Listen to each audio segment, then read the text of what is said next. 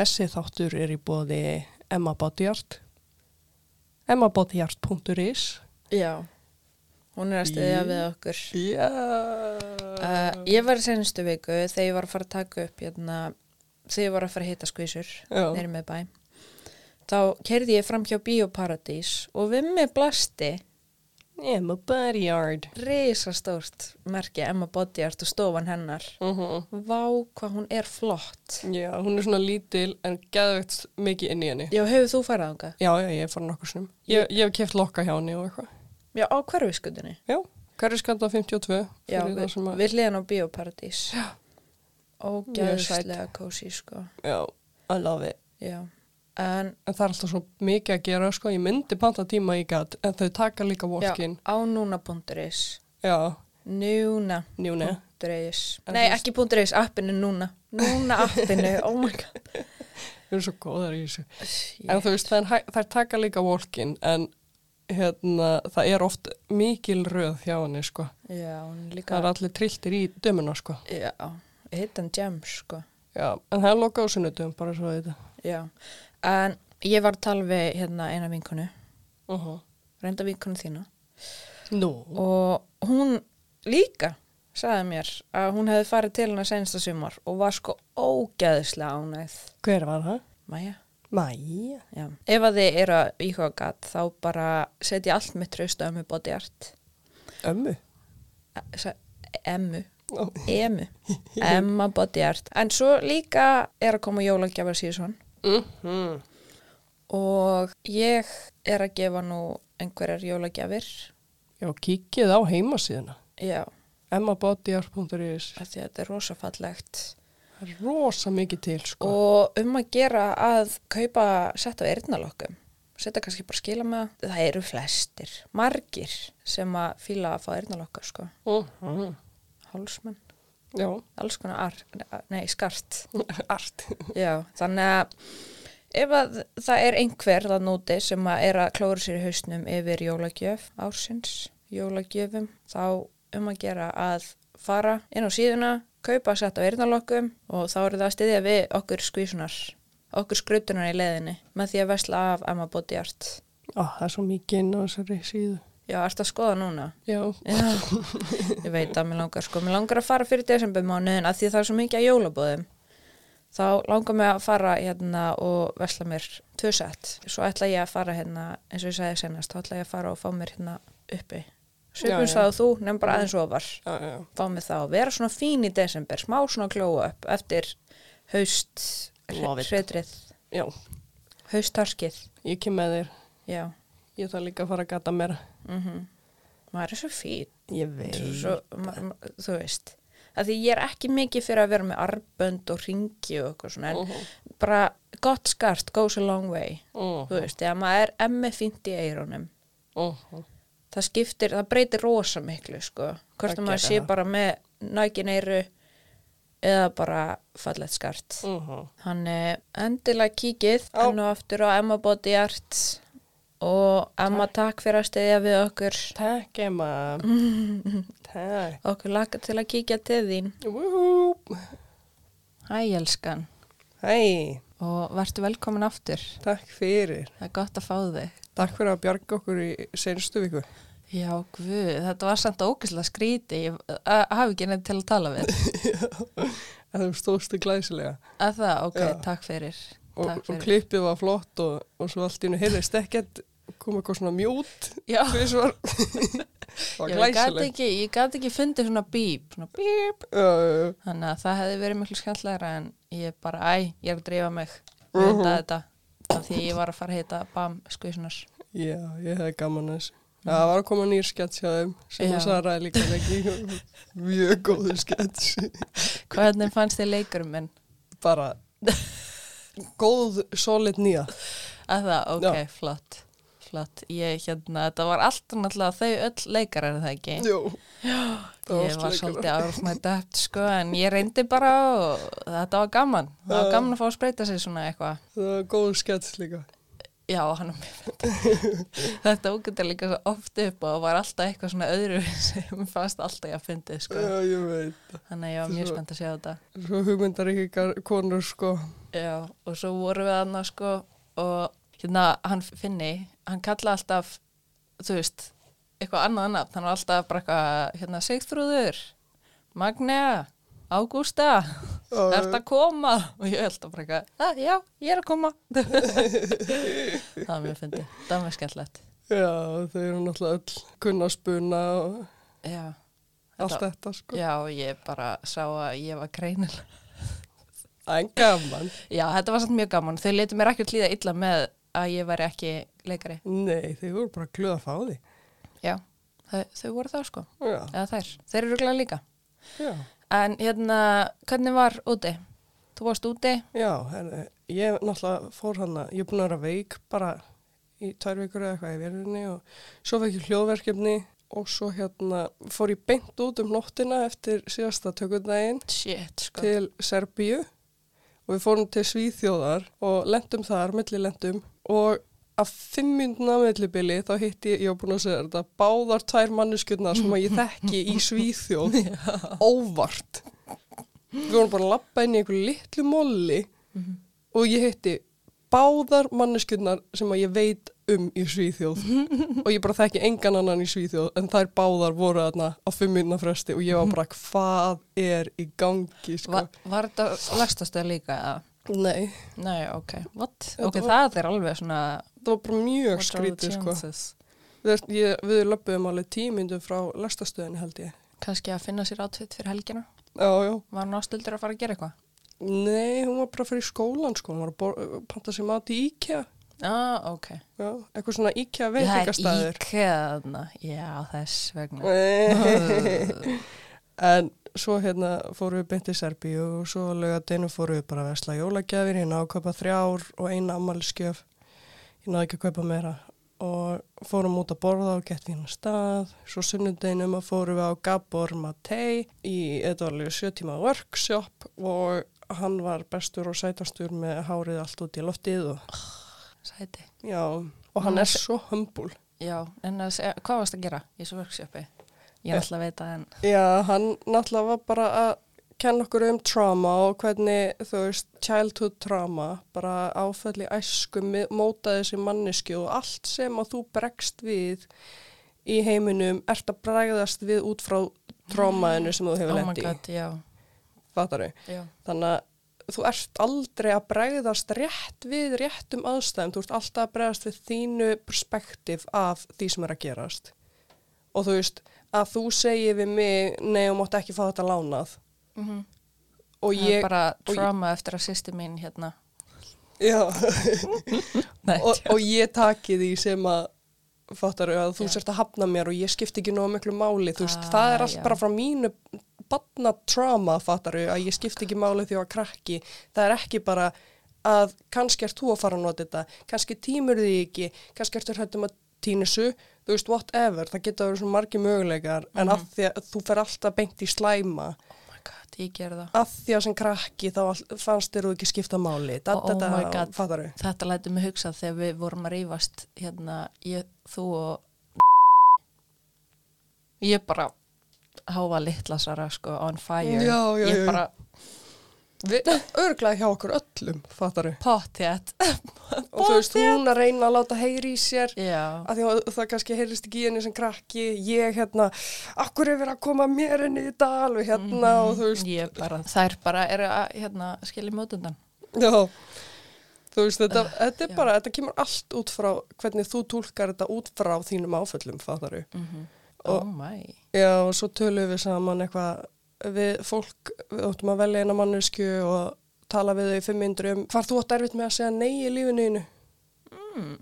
og, og svo áttur bara að ranta í fimm myndur og, og svo öfugt. Og, og ég lenda mjög skemmtilegri stelpu og allt það mjög skemmtilega en svo var líka hérna sko það sem að mér fannst mest merkilegt líka var hvað hann talaði um að samfélagið er að rósa þér og hvað það er jákvætt að þú sért manneska sem sérðum alla aðra í kringu því. Mm -hmm. Að, þá ertu talin góð manneska. Mm -hmm. Ekki að þú hlustar á sjálfa þig. Þá ertu -hmm. fattar við. Þannig að þú ert alltaf að vera að plýsa öllum öðrum nema sjálfið er og það er jákvætt. Mhm. En þú ert að drepa þig að þessu. og svo fæði maður neikvægt backlash þegar Mhm. maður tekur sér hlið. það dregur sér frá. algjörlega og mér, ég var bara svona, wow og þú veist, hann las með þess að hérna, svona, eftir að fólk deyr, hvað heitir það? Memoir. Já, eitthvað svona og, og það var einmitt eitthvað að hann, hann tvílengaði lífinu sínu að bjarga öðrum, hann var svo frábær læknir og setti alla aðra undan sér og, og hann bara eitthvað, já, þess vegna dó hann 43 ára Oh my god, fattar þau? Þú veist, hann hugsaði aldrei um sjálfa sig fuck. Og hann bara svona las þetta og hann var alltaf bara, hvað hva sjáu þið vittlust hér, fattar þau? Oh my god. Og þetta er bara svo Shit, rétt. hvað ég hefði viljað fara á þetta maður. Já, God damn. en svo er hann líka með mynd sem heitir hérna, Ooh. The Wisdom of Trauma. Ú, ok, ég ætla að horfa hana. Já, mjög góð.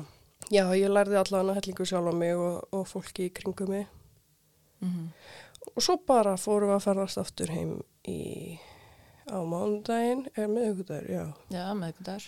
Gleðilega meðgudag. Glæðilega mikið það. Og, og við leðum að stakla klokkan fjörum nótt, fórum millilendum í Svíþjóð, þurftum að koma okkur aftur. Við vorum komin yngan svona um tvöleitið eða eitthvað á Ísland og ég var svo veik að með vorum að ferðast. Ég var bara að passa, ég var að halda inni með grátinum og svo þegar við vorum að fara Nei. upp í flugvélinni og niður, þristingurinn í eyrunum, ég held að heilu minn var að fara að springa eitthvað og ég var bara að halda inni í eyrun og var bara komin í kuðung og var bara, ég var bara hérna sko, Oh, það kom God. bara inn í eyrun á mig, bara stingur, ég var bara, ég held ég væri að fara að deyja sko, svo kom ég heim og ég bara, en það var er svo gott. að því ég er ekki búin að gráta næstu í mánuð, Sara. Ha? Ég veit það, ég veit ekki hvað er í gangi, ég er búin að vera bara, "Hvað, er ég að verða þunglind? Hverju græti ég ekki? Já. Að því ég tar alltaf þessa losun og það, ég, Mhm. það er næstu komin á fjóra vikur og ég var bara, svo þegar ég kom heim í gerð, það var ég bara, ok, ok, ég er samt mannleg og, og ég er eins og ég á að vera núna, ok. Sensitive queen is back. Já, loksins græti Ok, ég. gott. Það er gott. Já, mjög gott að gráta þér, ú. En ég það kemur mér óvart að hafa ekkert grátið á þessu workshopi. Það því að þetta er svo ótrúlega, hérna, personal. Já, það var bara svo mikið upplýsingum, fattar ég? Já, já. að ég var alltaf líka að rýna niður í mitt já ok, byrju hann er að segja þetta já, byrju, ég var pyrruð þarna um daginn af hverju var ég pyrruð já, ok, mér, það er að því að mér líður eins og fólk skilji mig ekki já, það var að því að þegar ég var krakki þá var ekki skilji mig þetta, mm. -hmm. fattar ég Mhm, var alltaf eitthvað svona að rýna niður alveg mhm. en já, hann að ég bara lasi núna og, og búin að fá að gráta og bara allt er frábært. En þú ferð, þú ferð núna smá tíma til að kvila eða svona.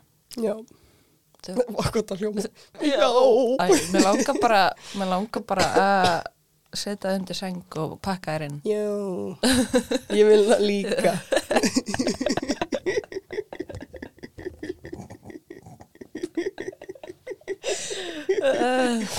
Já, ég hætta með svo leil þegar liður ekki vel, þá er ég bara, það er ekki gaman. nei, það er ekki gaman.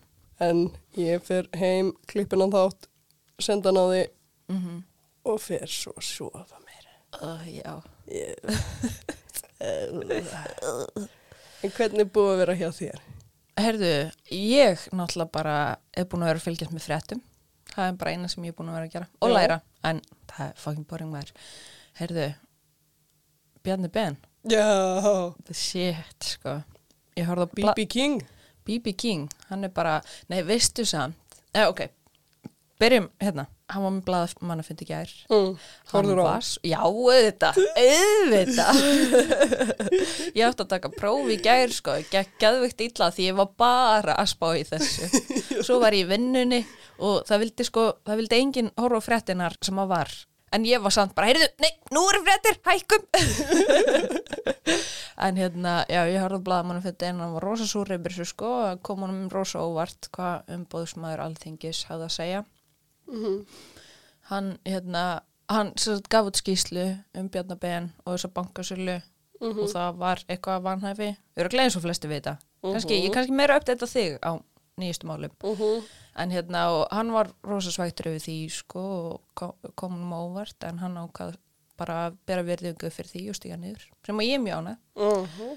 Þá til að Kata Jak kom og sagði hérna, já það, hérna og spurt hann hvort hann myndi fara þá í eitthvað annan ráðuneyti, vera, e- þú veist, ráðherra einhvers staðar annars staðar og hún bara, já það er bara mjög líklegt. Ég bara, hvað er það að meina? Hvað er það að meina? Hann var að stíga niður, skilur sem fjármálráð það er af hverju þú veist, það sem ég skil ekki ef að, þú veist, það var líst vanhafi varandi þessa sölu, af hverju er hann þá hæfur að sjá um peningana í öðru ráðuneyti Já, veist, ég, ha, ég skildi ekki, sko. já, ég mér finnst Hann það er mjög- löngu búinn. Já, þú veist, og mér finnst þetta að vera svolítið svona að hún sé að horfa á þetta út frá því að hérna, þau eru búin að vinna saman svo lengi, hún vill ekki missa hann úr þessu, hérna, úr þessum hóp. Já, Og hún er eitthvað, við erum búin að fara saman í gegnum súrt og sætt og ég er bara svona, það ætti ekki að vera faktor. Sorry, það ætti ekki að vera faktor eh, um það hvort hann fara okkar annað ráðuniti, skilju. Mhm. Þú veist, og svo voru aðrir að hérna, tala um að Svandís væri í svipaðri stöðu út af því hún hérna stoppa þessa kvalveðar og ég er bara svona, gaur. Mhm. Nei, þú veist, þetta var tímabundi stopp, þær eru farnar á staða aftur og það var verið að brjóta dýra velferðuleg. Mhm. Þannig að þú veist, hvernig getur maður bara ekki gert þetta? Ég, já, einmitt. Þú veist, hún hefði ekki getað höndlað þetta öðru í sig. Hún hefði ekki getað hort fram hjá þessu. Það hefði allt orðið brjála. Já, nákvæmlega. Hún höndlaði þetta rosalega vel, en Bjarni er líka bara búin að, Hann er búin að vera mjög lengi. hann er búin að vera að skýta í mörg ár. Já, það var mjög fyndið sko. Ég horfði á hennan fund. Hugsar ekki um neitt nema sig og, og sína. sem sér, og líka bara sér ekki í samfélagið í heilsinni. Sem horfið bara á það út frá sér. Já, rosalega sjálfkvært að þú farir en á alþingi þar sem þú ert að vinna fyrir samfélagið en er bara að hugsa um þig, þig og þína fjölskyldu. Nákvæmlega. Það er rosalega skrítið og sækir um þessu vinnu. Já. En hérna, svo líka var spurt hann á þessum blaðmannum fyndi sko hvort að hérna, hvort að þetta væri stæsti, hvað sagði hún, stæsti, stæsta gaggrinni sem hann hefur fengið á sínum feril. Og hann bara setti svona saman hendunar, svona kross, krosslæði hendunar. Já. Og ég bara, that's a lie, that's a lie. Já. Þannig, já, ég, ég er annað, þetta eru gleði fréttir, ég vona að komi ekki samt bara einhvern bjarnið 2.0. Já, þú veist, það er bara að fólk sem er svona sjálfkvært er á alþingi, þú veist, er engin standard til að komast þann inn í það. Þarftu bara að vera góður í kjáftinu með það. Já, Þú veist, þarf ekki Það að fara í gegnum síðferðis, þú veist, hugsunæna. Mér finnst þetta alveg fáralegt, sko. Já, bara svo fólki með reynt sakavóttorðið eitthvað, þú veist, þá bara farði ég eitthvað hvort þú sért með samkengt gagvart en- öðru fólki eða ekki. ég held að það sé ekki standard. Pældu, það er samt um fullt af shitið annað sem ég er í gangi það, sem en að ég vil vitum að það ekki af. sé af því að, Í draumaheiminum já, væri að gott fólk. þú ert að vinna fyrir samfélagi sem þýðir allir í landinu Já, og en hvernig getur þú verið sjálfhverfur þar? ég held, ég held að hann horfi ekki á það þannig sko. Nei. Af því að hann tala aldrei um fólkið og fólki í landinu, hann tala alltaf bara um flokkin. Minn flokkur, mín, eða þú veist, okkar stefna, stefna Mhm. flokksins. Flokkurinn minn og okkar, þú veist, hann var aldrei að tala um hvað samfélagið vil og ég er bara svona, já ok, gott að, Flokkaði þér. já, ángarins flokkaði.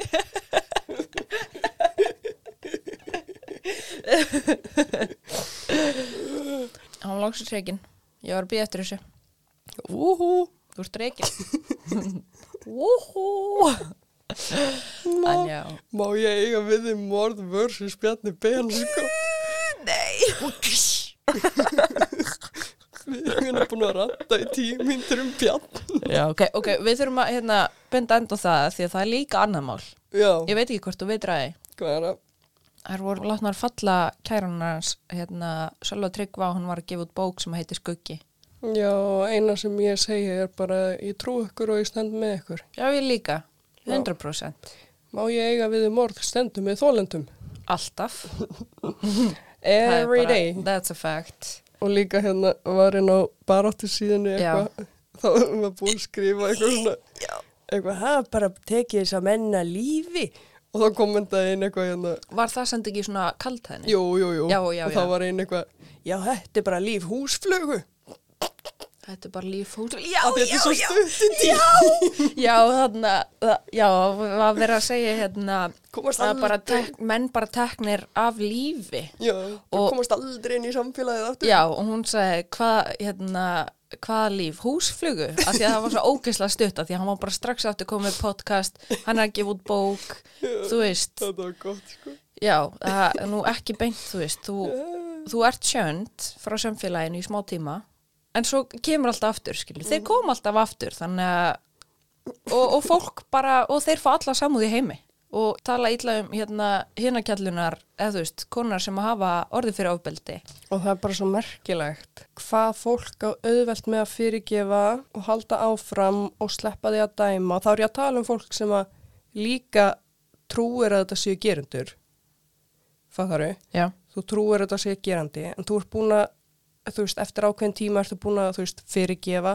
Þú ert tilbúin að lega honum að halda áfram í með lífið sitt og allt það. En það er samt miklu lengur fyrir þólendur að fá skilningin ekki vera efast um söguna þeirra og leifa Oh þeim að koma God. aftur. já, Mér finnst það svo merkilegt hvað allir eru fljótari að ná að fyrirgefa og leifa gerendum að halda áfram frekar en þólendum. já, það er alveg þannig það alveg stór merkilegt. Nefna svo þú veist gerandin, jú, jú, hann er búin að lenda í einhverju, þú veist, upplefa eitthvað tráma þannig við að að- að allt Ísland koma á mótið þeim.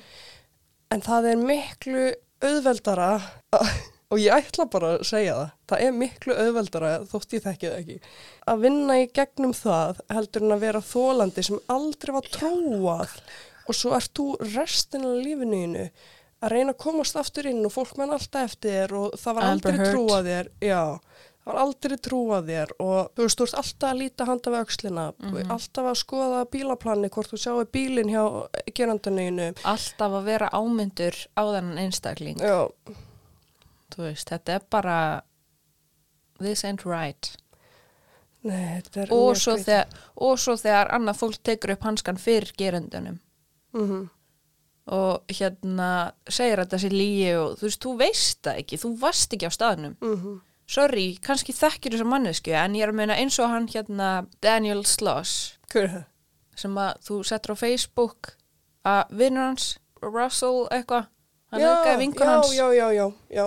þú veist, þarna er hann bara að taka afstöðu skilur, ég trúi þér þú veist, Mhm. þannig að þetta er í raun bara, þú veist, hverjum kýst að trúa af því að þú veist aldrei þú varst ekki á staðnum. Uh Og auðvitað er fólk fljótar að fara yfir í að trúa gerandanum og standa með honum að því að það er miklu auðveldana. Heldur en, heldur en að fatta að manneskjan sem þú þekkir var að brjóta svona hróttalega á annari mannesku. nákvæmlega og þessi manneskja er ekki með oftast ekki, er þetta fólk ekki með þessa hægðun nema bara í einrúmi Já. Og bara því miður ástu mín, það eru mjög margir svona, þannig að það er pottit einhver í þínu lífi sem er svona og að þú sért að horfa fram hjá þessu er rosalega sorglægt. Nákvæmlega því að þetta heldur bara, þetta heldur bara ringra svona áfram Já, en svo þú veist, trúi ég auðvitað á að gerendur eiga aftur inn í samfélagið.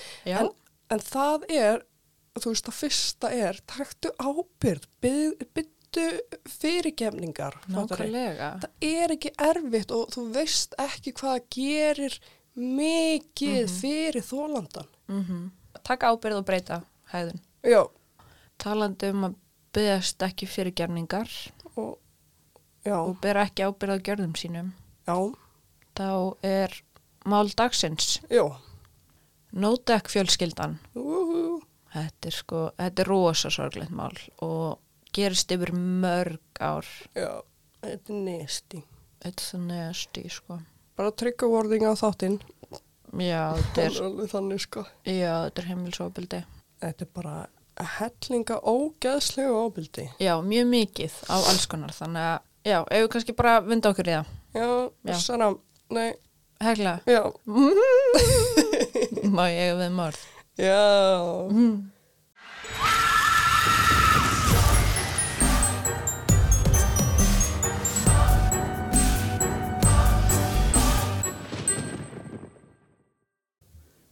Við erum komin til bandaríkjana, til bæjarins Battleground sem er 18 kilometrum fyrir utan Vancouver.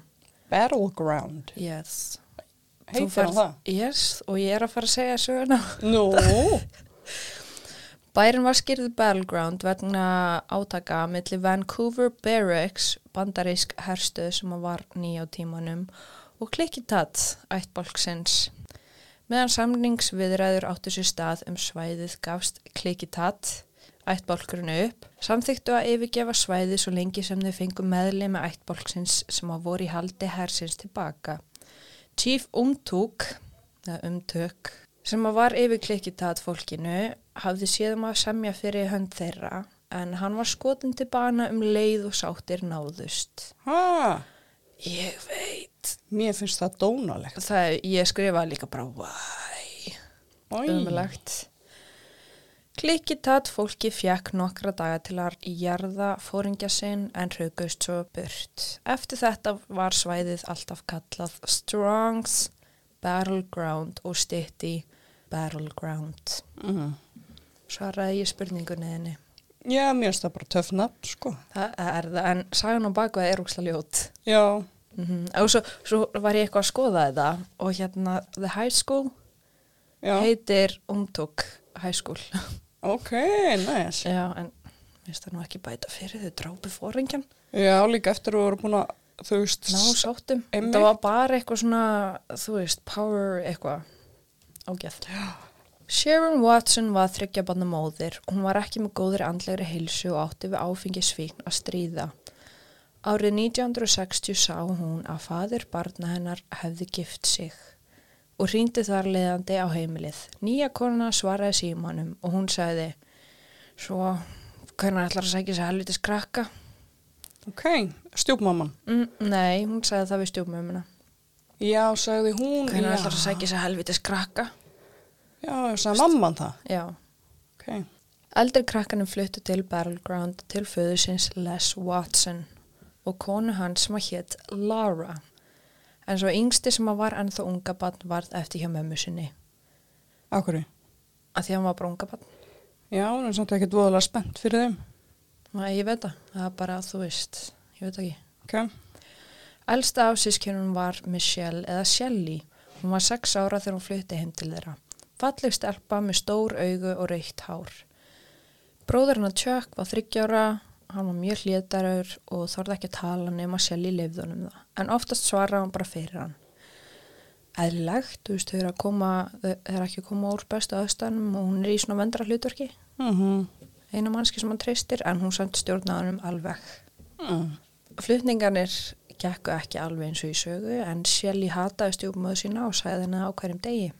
Lara síndi þessu vissan skilning og þólmaði vegna fyrrum heimilisaðstæðana krakkana.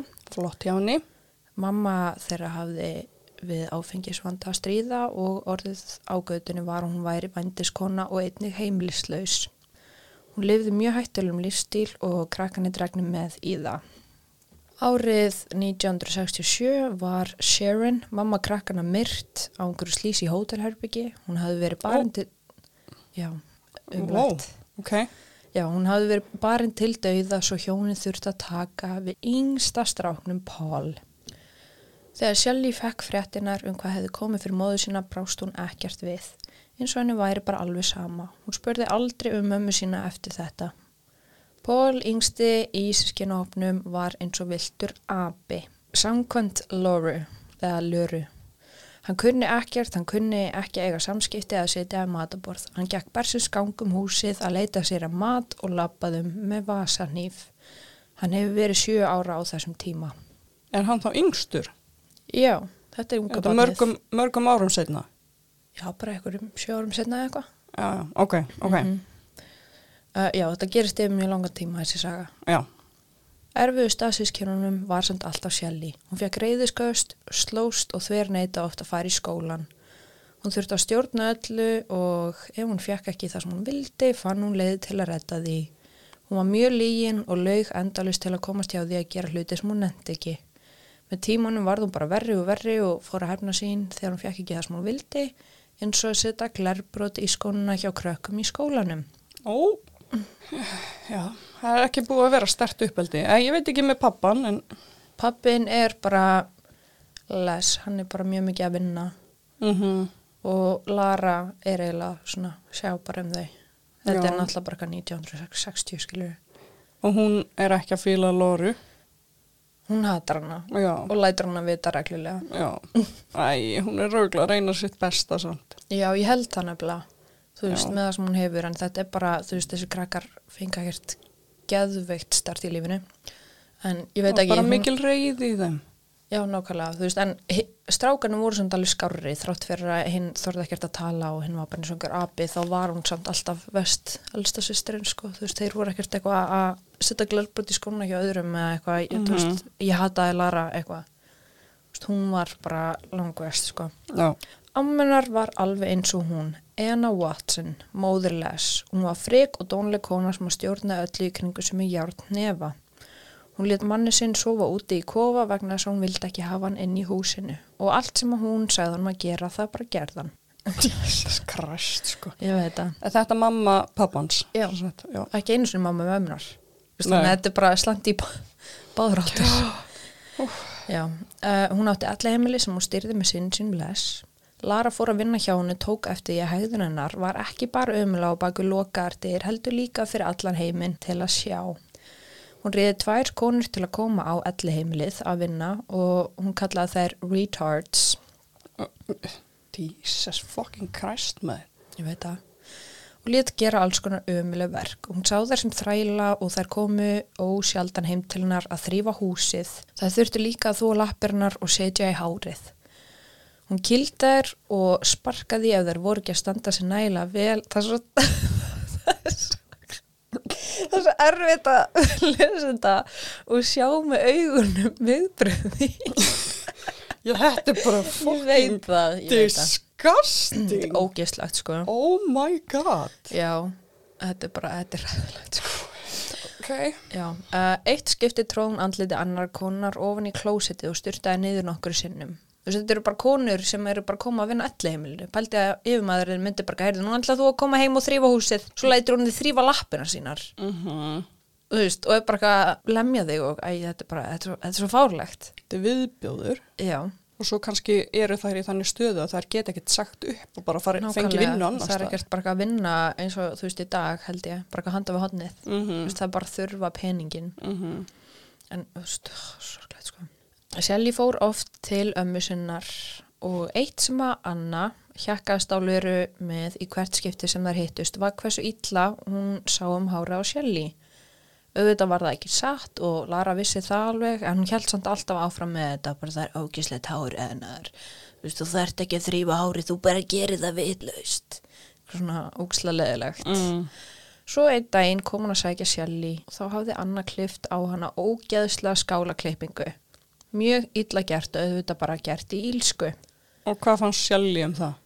Hún náttúrulega bara með eitthvað svona gerfi bros eitthvað, þú veist, en svo Ah. þegar hún kom heim þá bara tók hún kast, skilju. Hún þorði Ah. ekkert að segja með ömmu sína, hún tók það bara út á, á hérna lö- lóru, Já. löru. Mhm. Anna var bara þannig, hún var ekki ánægð nema hún á að gera aðra í kringu sig ömula vansala, þá var hún kátt. Hún fekk ekki út úr því að niðurlæga og smána, svo auðvitað kom þeim vel saman, Sjelli og Önu. Þær voru alveg eins og Anna sá sig í Sjelli. Hún hugsaði um hann sem svona protege. Mm. Þegar Shelly var að verða 15 ára fór hún að til ráðgjafa í skólanum og sagði að pappina væri að misnota hana. Skólinn greip strax til aðgerða. Lara fekk símringingu um að Shelly kæmi ekki heim og ég held að þetta sé svona badnavend í þessum bæ. Mm En þau væru að opna mál og þau gæti ekki hitt hana eða vita um hvað máli snerist. Les pappina mætti á stofuna þar sem að hann fekk að vita að Shelly hefði greint frá kynferðsofbelda hendi föðu síns. Lara trúði ekki eina veist, ég ætla ekki að segja hvort það hefði gæst eða ekki gæst. Mm. Það gæti alveg útskýrt þessa hæðun hennar skilur, en hún var samt rosalega mikill lígari og hefnigjarn. En Lara fór inn í herbygjana þar sem hún fann True Crime tímaritt og fremstu blaði sínu var texti I was raped at 15 by my dad. Úf, Mm. Hjóni held að þetta væri næg sönnun en máli held áfram og Shelly fór í skoðun hjá lækni sem að komst að þeirri hnöðustöðu að hún hefði aldrei verið snert. Ég skil það ekki. nei. Þú veist, ég skil að hann getur kannski það er enginn búin að koma inn í leggöngin Leggöng, Já, en það hægt að gera aðra hluti já, já. sem að, veist, ég, já, þannig að það er svolítið skrítið eitthvað, hún hefur aldrei verið snert. Já, að málinu var loka samdægus og þau tóku dóttir sína heim með þær skipan og hún skildi fara í sálfræði meðferð. Það gekk ekki og Shelly var reygin úr skólanum fyrir þetta atvik. Luru gekk mjög illa að koma henni í skóla fyrir haustið. Engin vildi taka við henni þó svo að þau byggðu góða upp að fyrir sætið. Orðið hefði, þú veist, bara burst út að þessu atveki. Mhm. Shelly bauðist til þess að passa fyrir nágranna sína vegna hversu mikið hún elskaði börn. En þegar fólki kom heim voru krakkana annarkvort alveg ósnertir, satt í rúmun sínu með sömu bleiðu þegar fólkarinn fóru, eða hún hafði loka krakkana inn í herbygginu sínu og sett húsgögn fyrir hurðina. Oh my god. Jeps. Hún varð alltaf uh, illari með hverju árinu. Hún hafði svo sterka þörf til að láta öllum uh, öðrum líða illa og skapa keios í kringu sig. Og enginn skildi þessa hægðun hennar. En um hausti fekk hún inn í einhvern skóla sem hún unnur voru sjá, um einhvern svona boarding school. Hún bjóð þar á virkum dögum en kom heim um helgar. En þegar önnin kláraðist sögðu sýsturnar hún væri ekki velkomin aftur. Hún hafði verið að stela frá stelpunum í heimavistinni og setja glærbrot í skóna þeirra. Ógæslegt sko, ég hef stigið á eitt svona lítið glærbrot og það var ógæðslega vond. Já. Paldi að stíg, fara í skóna einu og þeir eru bara endalist að litlum svona, Mhm. Það líka festist oft inn í fætinum á fólki. já, og þau bara inn í læpina, þú veist, bú, þú veist, hvar fær hún allir svo glærbrot samt? Já, jú. Ég veit ekki. En saman hversu mikinn penning þau byggðu þá vildu þær bara ekki sjá hana aftur á skólalóðinni. Þá fór hún til Sister Wes, Katie í nokkra mánuði, Sister Wes. Les, Já, já, já, já. Pappans. úps, myndi Les. Já, pappans, sýsti pappans. Já, og hún fór að segja henni alls konar sögur um hvað Les og Lara væri óbyldisfull og hversu ógislið þau væri bara til að fá einhverja vorkun. Hún læði sérstaklega áherslu á hversu ógislið Lara væri við hann og hún mátti ekki eiga neitt og hún vildi aldrei kaupa neitt fyrir hana sem að var bara ekki satt. Mm. þú veist, fjölskeldan áttalega pening það var mjög erfitt að segja nei við hana því að þá fekk hún kast þannig að hún var alveg vön að fá allt sem hann langaði í Mhm. en Katie vorkendi henni bara og spurði fóreldrarna hvort hún gæti fengið að vera hjá henni restina á skólagöngun sem að voru tvö ár Ok. auðvitað mátt hún það Lara á bara heiminn lifandi svo Shelly kláraði skólan og hjælt svo heim þessi tvö ár voru mjög erfið fyrir Katie og mannin hennar og þau endu á að skilja Eftir að, eftir þess að að dvöl Shelly var búin að vera hann. já, Og hvað er hann þá orðin gömul núna eftir skólan? Mm. Átján? 17 17? já Ok. mm Í skólanum kynntist Shelly Randy, myndalegur strákur, tall, dark and handsome. Ég hugsa alltaf um Randy í, í South Park. Nei, þessi sko, hann er tall, dark and handsome. Já, líka Randy. Hefur síðan te- taka Cock Ég- Magic. Ég- Það er svo langt síðan ég horf að South Park, sko. Horða Cock Magic þátt er hann bestur. Ok. Allavega, hann átti ættir að reykja til Ítali og ég skrifaði sko líka heilaga þrennan en mér fannst þú bara ekki gefa Dark and Handsome nega aðdegli. Þú veist, þetta er eins og í Love Island. Já, já, ég veit gott. Ég veit gott. Ok, uh, hann átti ætti að reykja til Ítalíu og var með svona spes ítalst útlitt. Parið var hamingisamt, þá til að þið útskrifist þá þurfti Shelly að fara tilbaka til Battleground og hann vildi safna sér fyrir háskóla í Pennsylvania, svo þið hættu saman. En þegar Shelly kom heim báðum pappa sinna að redda vinnu fyrir Randy svo þau gætu verið saman. Hann gerði það svo hún ringdi Randy, heiminn lifandi og sagði hann frá starfinu. Hann var pínu hissa og vissi ekki alveg hvort hann vildi gera það. Svo hún bætti við að með því fylgdi íbúð sem hann þurfti ekki að borga leigun á. Hann geti verið að vinna og fyrst hann þurfti ekki að borga leigu þá væri hann fljótar að safna sér fyrir háskóla. Mm. Fallegt af henni. Hann tók því og kom til hennar. Þegar hann kom, fatta hann fljótlega að með starfinu voru strings attached. Ég reyndi að finna íslenska hérna. Hvað er strings attached? Ég get ekki sagt það svona upp og þurru sko. Það voru tengdir strengir. Já. Það var sjáðu til verið að plana brúðkaup fyrir parið. Ó, Hann fattaði að fljótlega eftir hann kom. Þetta var samt ekki svo slæmt. Hann les kom fram við hann eins og sinn eigin og gaf honum allt sem honum vantaði og meir. já því hann var, held að þau væru bara trúlofuð að giftast. Já. En Randy fannst þetta eitthvað bóið. Hvað þau voru mikið að drífa sig að gifta dóttir sína en hann leiði svo bara að gerast Ok. Is what it is. já, já. Hversu erfitt samt að segja nefn fjöls, heila fjölskyldu. Bara eitthvað, nei þetta var aldrei í plunum þau búin að gefa þær endalust angri sitti mm Herðu, þau giftu sér stuttu síðar. Enginn í fjölskyldinu hans var, en setna fattaðast að Shelly hefði aldrei sendt bóðskortinn sem átt að fara til þeirra. Oh my god, ég get hann ekki sko. Fljótlega eftir að þau giftu sig breytist Shelly úr englinum sem hún var í skrimsli fyrir framann Randy. Hún hataði húsbílinn sem þau bjöggu í og kendi Randy um og bara hún hætti ekki, bara endalaus, bara ég get ekki búið hérna, þetta fokkin hverfi og þessi húsbíl og eitthvað, þú veist, hvað átti Randy að gera sér? Hann var bara að gera sitt besta eitthvað, þú veist, og þessi húsbíl var líka eitthvað sem að pappina hafði gefið þeim. Ó, ok. Já, og sýtur hún að gæja eitthvað, ég veit ekki. Já, hún fór að mæta sjálfnar í vinnunum sína og elli heimilinu sem að les hefði reddað henni vegna mikillar túrverkja sem að girl, I feel you. Þetta ætti að vera vottaði veikið dagur af mínum að þið. En þeir voru svo sannlega ekki alvöru. Hún var nefnilega með þessa túrverki allan mánuðin, frá fyrsta til 31. Já, já. Þannig pappinar þurfti því miður að reka hana. Ok. Æ, þetta er svo súrt. Elsku, sko. Ég veit það. veist, Ég er ennþá að gefa henni smá slekka því hún er 17 ára. Ég veit það, en bara, hún er bara svo mikil, hún er svo mikil skrimsli. Ég bara, ég kemst ekki yfir það, sko. Já, ég er samt, ég vona bara að hún verði við skárið þegar hún verður fullorinn. Já, mm, þá fór hún að vinna á öðru öllu heimili en fór líka kvarta þar og mæta minna, svo hún var rekin.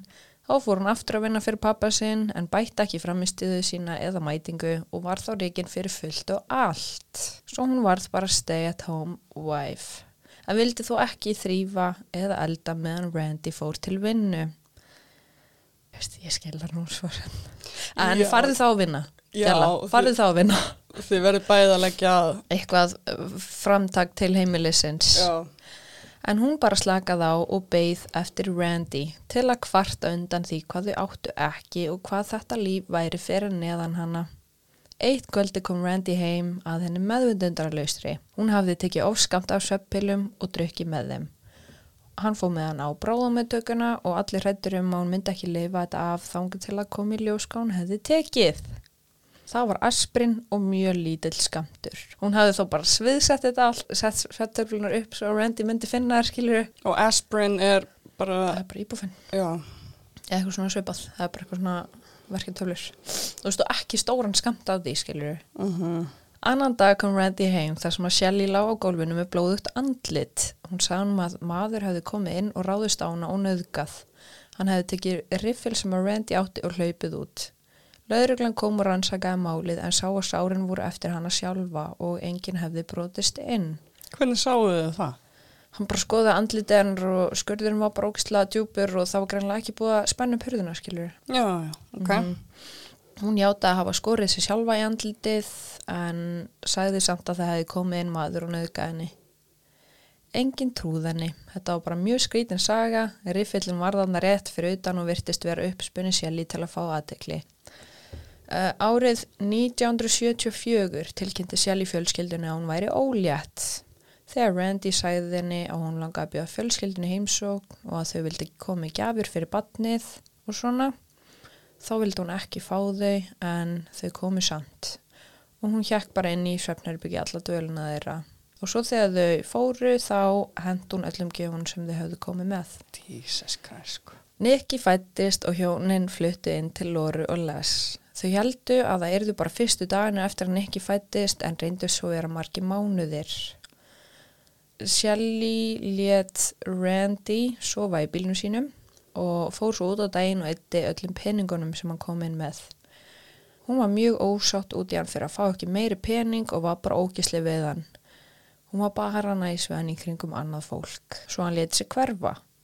Shelly samþykti það ekki og ringdi heim til fóreldra hans þar sem hún grátt baðan að taka við henni aftur. Hún vildi laga hjónabandi sem hafði farið í ruslið og koma með Nikki til hans og þau geti orðið fjölskylda aftur. Hann tók við agninu og hún kom með Nikki til hans. Stuttu eftir að meðguna fluttu inn til þeirra kom Shelly ára for sjá. Hvað býtu eftir að mæðgunar fluttu inn til... Hans og fjölskyldunar. Hann var Já, fluttur heim til mömmu sinna Hún og pappa. flutti til þeirra? Já, Ok, nice, ok. mm og Shelly came out of her shell. Já, það var gott, það var mjög gott. Uh, já, og fór að vera ógísla aftur. Fóldrum hans fannst framkoma hennar ógísleg og hann fekk nóg og sótt um skilnað. Þá fór hún út og keifti allt sem hún sá og skildan eftir í skuld. Hann hafði fengið einhvern pening frá skattinu sem hún stal og let nýja kærastan undir þetta og tók peningin fyrir sig og henni var bara alveg sama. Hún bara keifti og keifti og hugsaði ekkert um hvað þýtti fyrir Randy, ef eitthvað þá var það bara bónus að hann væri í skuld. En þegar hún fór úr lífan hans, sat hann uppi með 0 krónur og stóran reikning. Og hún kom með nýjan kærasta. Jöps. Ok. Shelly let sig hverfa og skildi Nikki eftir hjá Löru og enginn heyrði frá henni. En eftir ár þá byrtist hún aftur í Battleground eins og ekkert væri og tók Nikki aftur. Þegar Nikki var aðeins uh, eldri eða þryggjára þá fór hún að spyrja út í pappa sín og aðra fjölskyldumæðlimi hans megin og Shelly saði henni bara að pappina hefði yfirgefið hana og fjölskyldan hennar elska hana ekki. En það væri allt í lagi því hún elska hana og það væri nóg. Þegar Nikki var fullorinn fann hún endalust að brefum frá Randy og fjölskyldunni og sá að uh, þau hefðu gefið henni fyllt að gjöfum á ámálum og svona en Shelly tók bara með hann af og sagði að gjöfun væri frá henni. Ok, hvað var hún gömul núna? Nikki? Uh, du, du, du, du, du. Hún var þryggjara, svo 78, Þú sagðir eitthvað, hún er fjær ára. þú sagðir eitthvað þegar hún var fullorðin. Já, það var bara eftir þetta allt, skilur við. Já, já, já, já. Shelly kynnti svo Danny. Þau giftu sig árið 78 og eignuðust Sam nokkrum má- mánuðum síðar. Danny var mun harðari við Shelly heldur en fóreldrar hennar og Randy hefðu verið en þau rifust og slóust oft og mikið og já, meðanstelpunum voru heima. Oft þegar rifrildin þeirra kláruðust þá fór Danny út að jafna sig en Shelly tók þá bara stelpun út í bíl og þær fór að leita á hannum. Oft í marga klukkutíma sem að Shelly þótti heldur gaman. Þegar hjónin hefðu verið gift í fimm ár fann Shelly sér nýjan kall og vildi skilnað. Hún sagði að Danny hefði svikið sig og les trúðinni bara. Hún hefur örgulega sagt það bara til að fá nýtt hús án Danny frá pappa sínum því að jú, hann hefði alltaf gefið henni allt sem hún vildi. Uh Shelly fór að koma með Dave heim til stelpnana og skipaði þeim að kalla hann pappa. Þær höfðu hann og vildi bara fá Danny aftur en það skipti engu máli og Shelly og Dave fluttu með stelpunar til Raymond. Shelly og Dave giftu sig árið uh, 1987. Hún sagði að hún var með krabbamein og myndi ekki ná að lifa lengi. Hann elskaði hann á stelpunar og vildi ekki að þær höfðu engan þegar hún myndi falla frá. Engin kom í brúðköpinum að tvö vitni og annað þeirra var vinkona sjálfjar sem að hétt Kathy. Og sko, núna byrjar byllið. Já, nú, fyrst núna. Já, All right. núna bara, hérna, Það er ekki búið að vera bull í gangi. já, bara býtu bara, sko. Rétt á hann þau fluttu þá fór Nikki að vakna við það hún gati ekki andað vegna þess að það var haldi póða fyrir andlitun hennar. Þegar hún kalla á mömmu sína og sagði henni frá, sagði Sjalli bara að þetta hefði verið vondu dreymur en hún vissi að svo væri ekki. Ekki var uh, langt búið að líða á hjónabandi þegar Sjalli fór að beita Dave andli ofbeldi og eðullum peningunum hans. Hann vann frá mótni til kvölds og þegar hann kom heim beið Sjalli eftir hann um svo hún geti held sér yfir hann. Hún sagði hann oft hvað hann væri einskins virði og hann elskaði ekki sig eða stelpunar því annars myndi hann vinna harðara að sér til að fá meiri pening. Hann varð fljótt skila sjálfur sér og þurfti stundum að leggja sér á leðinni heim úr vinnunni til að hafa næga orku til að díla við Shelly þegar hann kæmi heim. Þegar hann læði svo of lengi þá tók hún stelpunar og fór að leita á honum. Alltaf bara seint um kvöld eitthvað. Já, já, já. Það var, það var nú engin hérna háttatími fyrir stelpunar, það var bara að leita pappa. Og henni fannst það mjög gaman, þú veist, hún var svona hunter, fannst það mjög skemmtilegt. Uh, hann mótmælt henni aldrei nýrifstu hann tilbaka. Stundum hætti hún skyndilega að rífast í honum og sínd honum þá mjúkur hliðina sína. Talaði mjög fallega til hans og sínd honum mikla ást. Svo allt í hennu fór hún tilbaka í skrimslis, svona mindfuck bara. Shelly þóttist alltaf vera að leita sér að vinnu en í raun satt hún alltaf það fyrir fram að sjónvarpið og fór að vestla eitthvað dót fyrir heimilið sem þau þurfti ekki. Hún fór að leika sér að því að refsa stelpunum sínum og finna nýjar og harðari aðferði til þess. Það kom alltaf eins og þrjuma úr heiðskýru lofti og enginn skildi af hverju var að vera að refsa þeim. Hún varð alltaf ógísleiri og ógísleiri með tímanum. Öskra á stelpuna hvað það væri mikla tíkur, you fucking little bitch. Þú ert einskis verði og beittar grófu líkamlegu ofbeldi í leiðinni. Eitt kvöldið hendi hún ekki á vegg og veggnum var nagli sem hún lendi beint á. Mm Hún faldi öll ummerki með fötum og make-upi þegar hún sendi þær í skólan en svo komuð þær heim og ofbeldi hjælt þá bara áfram. You fucking loser, you make me sick. Hún talaði bara ógæðislega við þær. En hérna Nikki, hún fekk samt miklu oftar þessar refsingar og miklu verri. Af því hún var eldri eða? Uh, já, hún hérna, hún bara einhvern veginn náði ekki að tala, yngri stelpa náði einhvern veginn að fá mömmuna sína bara meira á sitt band heldur en hún. Já, líka oft með að eldri sískinin fá meira á sig. Ég veit ekki af hverju. Mögulega, en þær er- heldu að þetta væri einhvern veginn bara því að uh, Sami náði einhvern veginn að tala hana til. Uh Var eitthvað svona, þú veist, en Nikki bara grét og reynda að komast í burtu, skilur en, þú veist, og reytti þá bara selji meira til reyði, Mhm. mótu vera hana meira, meðan Sami bara einhvern veginn, mamma, þú veist, ég skil árt að gera þetta, þú eitthvað svona, náði eitthvað svona að segja eitthvað Á jólunum fengur stelpunum alltaf fallega gjafir sem voru svo teknar í burtu og hend í refsiskinni ef þær gerði eitthvað sem að þær mátt ekki. Allavega í augum sjálfi þá þurfti að refsa þeim en oftar en ekki kom refsikinn bara upp úr þurru. Dave sem að elskaði stelpunum svo mikið gerði ekkert í þessu nema að standa á bakvið sjálfi og hjálpa henni með refsinganar.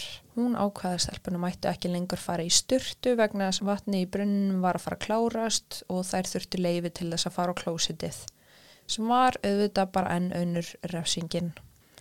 Þeim fannst mjög niðurlægandi að færa í skólan því þeim langaði bara að vera reyna og lykta vel. Næst fann Shelly upp á pyntingaraðferð sem að hétt wallowing eða að velta sér á íslensku. Hún kom inn til stelpnana en oftast nikki, öskraði á þær, statt upp, farð úr fötunum, drullaði þið niður og svo einhver niðurlægandi orð með eins og hérna, þú ert einskins virði eða piece of shit eða eitthvað, þú veist, skítaklesa, ég, I don't know. En svo komu þær út og veltu sér upp úr drullipoll eða sátu meðan hjónin sprautuð ísköldu vatni á þær. Yfirleitt var Dave að sprauta og Shelly að öskra fúkirðum yfir þær. Þú ert svín, veltuður svínið þitt og fleira. Og ég bara rasta. Mér finnst þetta viðbjöður. Þetta er ókíslega. Skilur núna akkur ég var svona reið? Já. Ég kom, þú veist, ég, hérna, já, ég, við töluðum um stund daginn um þetta mál og ég var bara, ég er svo fokkin reið út í þessa gælu, bara hún er ógeð. Uh Bæði var þetta niðurlægandi og ógeðslega sárt. Skýta kuldi og þær voru naktar að velta sér upp úr drullu og steinum. Svo eftir velteríið dró hún þær í sjóð, heitt bað, beint úr kuldanum og svo bara þriðu dáfarð upp í rúm. Stundum tók þetta 20 mínútur og stundum 2 klukkutíma. Ég veit. Nikki var neðst í fæðukæðjun á heimilinu. Hún var bara algjör aumingi í augum ömmu sinnar. Meðan Sami gat einhvern veginn tala svo út úr refsingunum. Hún átti líka marga vini í skólanum og Shelly vildi ekki draga aðtikli af fjölskyldunni. Og vegna þess að Nikki átti ekki vini og náði ekki tala til Shelly eins og Sami gerði þá fekk hún miklu ofta refsingar og mun verri. -huh. Hún var miklu oftar látin velta sér eða wallowa heldur en Sami og svo fór hún að loka stelpunar inn í herbergi. Ekki læsa, bara loka en hún tróði einhverjum hníf inn í læsinguna svo þar kemust ekki út þegar voru læstar inni.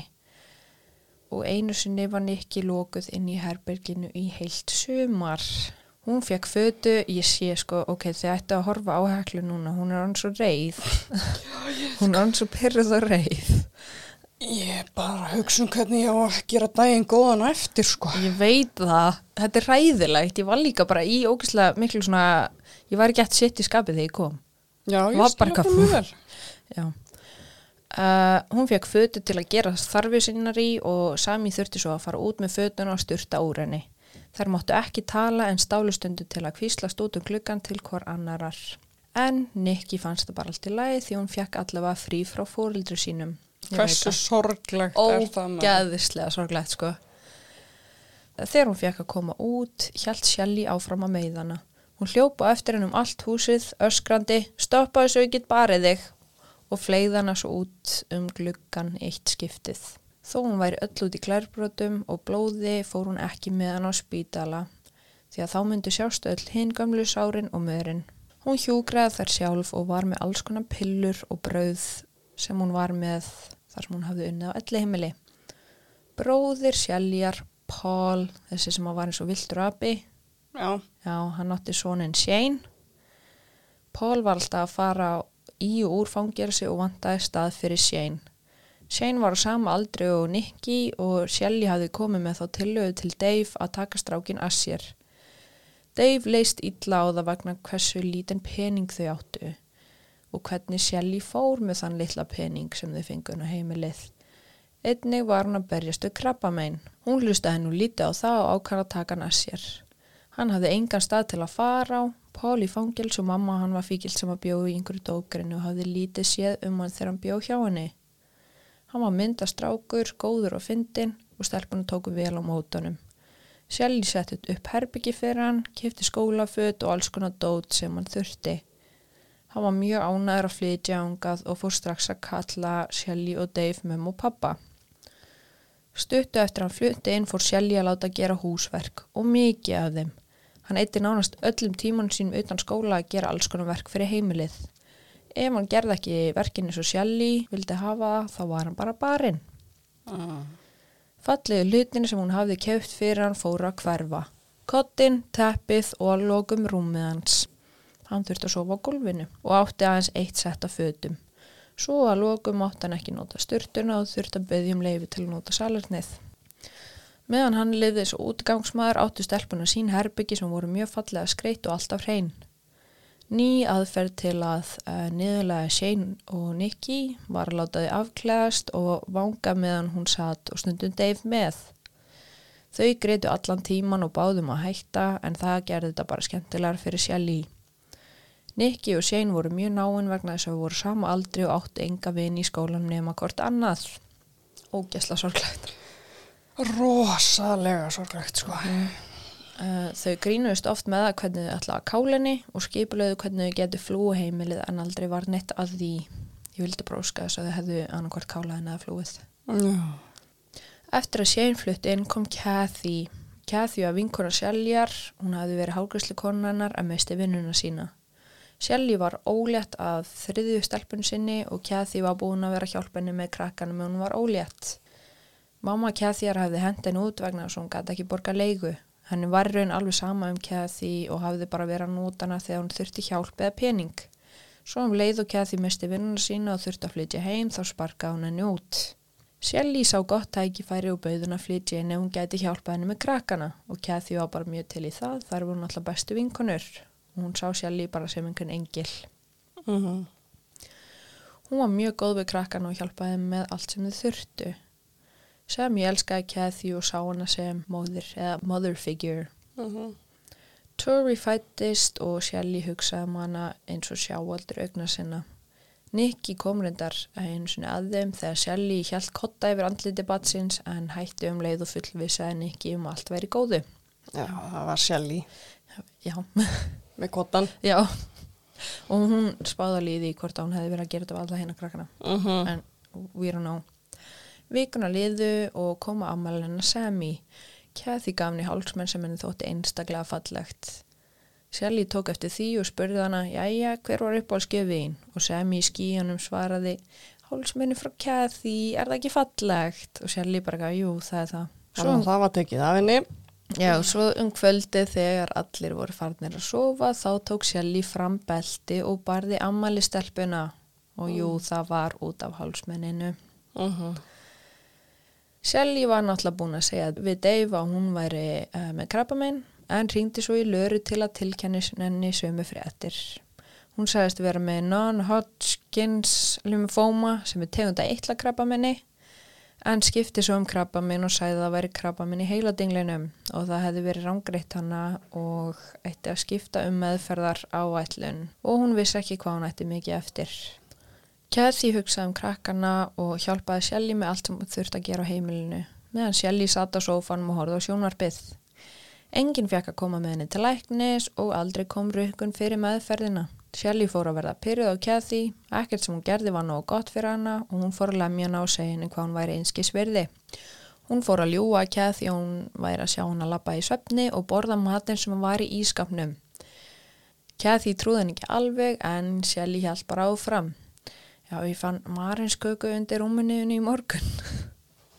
Kathy bara, ég setti þetta ekki ángað.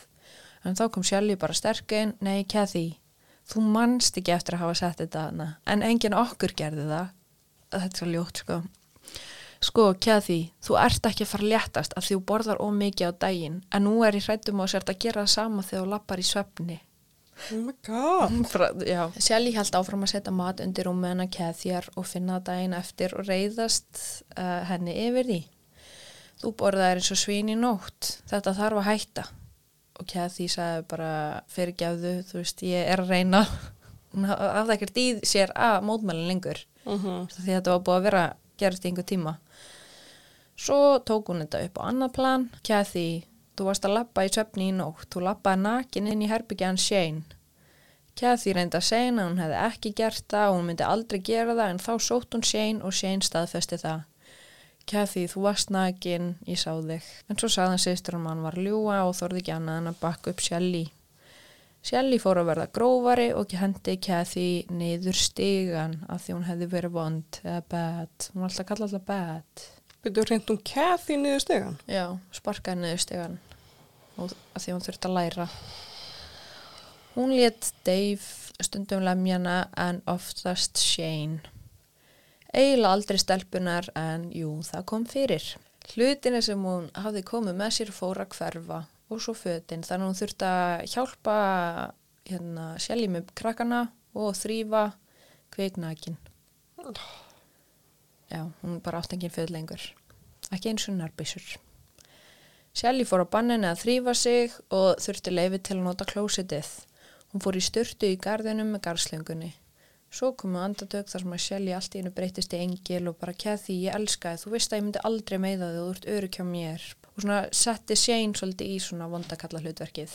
Mm Hvað var hann áttu gammal á þessum tíma? Þetta eru svo mörg ár, sko. Já. Þú veist, bara, hann flutti 13, þannig að þetta er, þú veist, einhver tíman milli 13, 14 upp í 18, sko. Já, ok. Enginn af krakkanum skildi af hverju hún var ekki löngu farin því að hún var fullorinn og átti bíl. Enginn var neðana til að vera aðna. Kathy hafði mist töluverða þyngd, tennurinn hennar voru orðna brúnar og farnar að detta úr. Húðin hennar var öll marinn og út í skrámum. Hára hennar hefði verið klift af og þegar fjölskyldan fór einhvert þá fór Kathy bara í skottið og hún sætti sig bara við það. Einu sinni fór því útileg og þá svo hún heilan ótt í skottinu og gaf ekki frá sér orð. Hún var bara orðin og veikburða til að mótmæla. Krökkunum var að fara að gruna að eitthvað skríti væri í gangi því Kathy bara fór ekki. Svo þau kíktu í náttborðina sjálfjar og þau fundu töflur og mikið af þeim. Lorazepam er róandi, Nidrokvikl er fyrir björgstsveða, Atenolol er beta-blokkar eða lifi háum blóðþristingi, Altase er annað lifi háum blóðþristingi, Paxil eru þunglindislif og svo er Prozac sem að þau hafðu oftast sé hana að taka en það voru sterk þunglindislif sem að er líka notað við OCD, ofsakvíða og kvíðaköstum. Og þau, þau voru oft búin að sjá, hana taka Shelly. Prozac. Nei, Kathy. já. Þú veist, þau voru að gá hvað hún væri að gefa Kathy, skilur Mm af hverju hún fór ekki bara.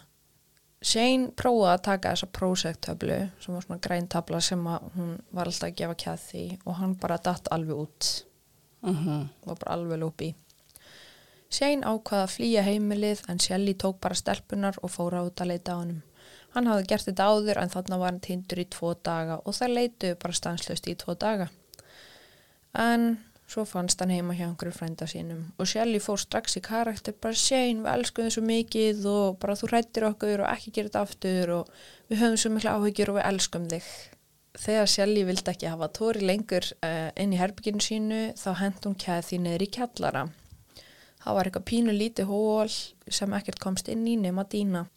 Eitt kvöldi hafði Kathy reitt Shelly til reyðis þannig að hún henda henni út í kuldan.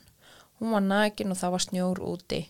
Shelly og Dave skipið henni að klifra upp hæð og renna sér niður á rassinum. Hún átti að gera það aftur og aftur meðan hún greitt fyrirgefðu og baði að fara inn. Rassin hennar var allir út í blóði og brekkan var rauð eftir hana. Kathy var farin að sofa á gólfinu í stofunni og hjónin voru búin að selja bílinn hennar. Hún var bara ekki manneskja fyrir þeim, heldur eitthvað dýr. Þegar hún styrtaði Kathy þurfti Shane að halda henni niðri meðan Shelly öskra á hana að hún væri svín og hægt að grænja. Svo var hún líka alltaf að predika við alla fjölskylduna og hún vildi að Kathy batnaði því hún var svo bad. Þú veist, ég veit ekki hvað, þú veist, óþekka eitthvað, vonda, ég, I don't know. Og hún vildi að hún erði better. Mm En Kathy mátti ekki lengur koma inn í húsið heldur þurfti hún að gista í skúr fyrir utan. Þó að Shelly var mjög fókusur á Kathy þá hætti hún ekkert að pynta restina fjölskyldunni.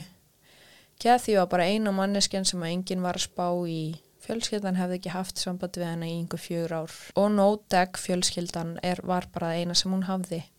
Shane reyndi einu svona hleypa henni út og segja henni að flýja en hún hafði bara ekkert eftir í sér og neitaði að fara. Vist hvað sorglegt er það? Bara orðin vofa. Mm Fjölskyldan var gjörsamlega búin að ganga frá henni. Fjölskyldan utanskildum uh, Dave var farin að gruna að Shelly var að ljúa með krabbaminnið. Hún var alltaf hress og búin að lifa með uh, krabbaminnið rosalega lengi. Lara stjúmamannar var farin að spyrja spurninga og kom eins og hinn til hennar. Þegar hún tók á mótenni var hún búin að púðra allt andlitið sitt hvítt og mjög augljóst og raka af sér augabrúnar. Hún var samt með fína, þykka, rauða hári sitt. Það vantaði ekki upp á það. Mm Hún sagði bara, já, ég, ég er ógeðslega veik og eitthvað. Og svo fór hún inn á bað, eitthvað að brúska og kom tilbaka með lokk af rauðu hári til að sína henni. Svo hárið er bara búið að verða þetta af mér. Það er svona ógeðslega veiklulega eitthvað. -hmm. Og Löru fannst það eitthvað skrítið að því að vanlega, þú veist, dettur það af frá rótinni en brotnar ekki af, skilur Já. Þannig hún kíkti hann á klósett og fann skæri með rauðum hárum í. Shane var búinn á því, hann fór í skólan á daginn þar sem hann ekki var einu hans og kom hann heim að vinna í gardinum og, var þar fram á kvöld. Svo fór hann að sofa inn í skáp hjá Nicky og repeat. Hann var alltaf reyðar reyðar við Shelly og fór svona smá að íta tilbaka og segja bara það sem hann vildi segja þó svo að það þýtti bara harðari rafsing. Einu sinni sá Shelly mús á gólfinu og fór og kíkti betur á hana og þá sá hún að það var Tupperware box og inn í boxinu var lortur. Lortur, kúkur, Já, músakúkur. mm -mm. human. It was human fecal matter. Inn í hverju? Tupperware boxinu. Hvað er Tupperware box? Það er bara nestis box. Það er ákveð. Já, já, já, ok. Hún trompaðist alveg og ræðist á grei Kathy og kallar á Dave og segir honum nýjustu fréttir. Þau ákveða að viðeigandi aðferð til að refsenni í þetta skipti er að waterboarda hana. Mm. Sem sagt halda hausnum hann ofan í vatni og á meðan öskraði á hana hvað hún væri feit og ljót og þarf að koma sér í form og auðvitað einskins verði. Krakkanir sá andlitina hennar hvað hún nautast mikið að pynta Kathy. Hún fekk ekki lengur að borða með þeim, heldur tók sjálf í ónýtar mat og sett í blandar og gaf Kathy sem að sagði bara já, mm, mjög gott, stálsku grei. Mm Svo gaf hún henni heilan bolla á salti og sagði að þetta væri fyrir bólgnu lappina hennar og svo fylgdi einhverjum pillum. Líklegast þessar sem ég á búin að lista upp. -hmm. Kathy var hann svo veik og máttlaus að henni þótti erfitt að setja. Shelly þurfti að hjálpa Kathy að baða sig vegna þess að hún gata ekki staðið og fengi vatni úr garðinum á sig. Þannig hún fór með slönguna inn, fylgdi baðið og setti svo klór með. Þú veist, hún gati ekki eins og drullast til að nota bara blöndunartækin í baðinu. Mm Já, og svo setti hún klór með.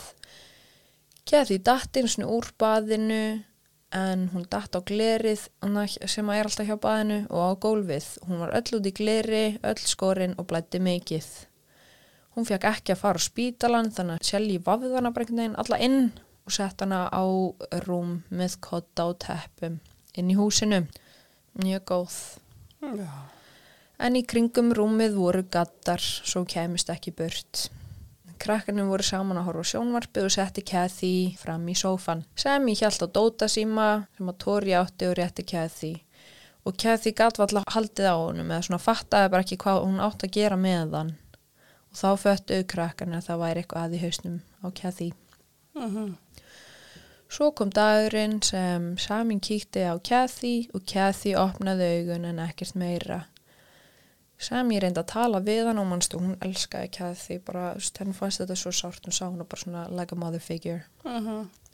Sami reyndi að tala við hana en hún meðtók ekkert og kinkaði bara kolli og rúlaði augun svo aftur svona, Já. bara svona alveg átt. Dave kom heim úr vinnunni sinu og heiti Shelly og stelpunar í dyra gætinni þar sem þær voru að fara að sækja Nicky í vinnuna. Dave heyrir eitthvað skrítið hljóð en Shelly segir bara já, já, þetta er bara Kathy, það er alltaf læg með hann hún er að kvíla sig fer út. Dave kíkir á Kathy og sér þá að hún er búin að æla og verðist vera að kapna. Hann kallar á Shane og spyr hvað málið er og Shane bara ég veit það ekki og þeir voru báðir mjög hrættir. Svo hættir Kathy að anda. Hjónin og aðla Shelly höfðu pintana til dauða. Eftir fimm ár á heimilinu lést Kathy Loreno og hún var ekki síðasta til að láta lífið á heimilinu. Úf, Hvað finnst þér? Ég er eiginlega ekkert búin að leifa þér einhvern veginn að ég er bara svona búin að semi. já, ég bara náður að fylgja rosa vel með, sko. Ok, geðvægt. En hvað finnst þér um þetta? Mér finnst það bara viðbjöður, mér finnst það ógíð, mér finnst það unhumane. Ég veit það. Mér langar ekki að heyra part 2. Ég veit það. Og ég, þú veist, mér langaði svo mikið að fara í, þú veist, hvernig hún var sem bann að því að, þú veist, það er svo mikið einhvern veginn úr æskunina sem hann tekur með Mm -hmm. inn á, á fullansárin, þú veist. Þannig að, að næsti partur verður miklu meira juicy, sko. Já, þannig að þetta er endin á part 1. Já, þið verður bara að hérna, hlusta svo á part 2 í næstu viku. All Það verður right. mega juicy. Já, ah, já, já. En já, við ætlum að fara að gráta Já, og við heyrum í einhverju næstu viku. já. Ok, Bye.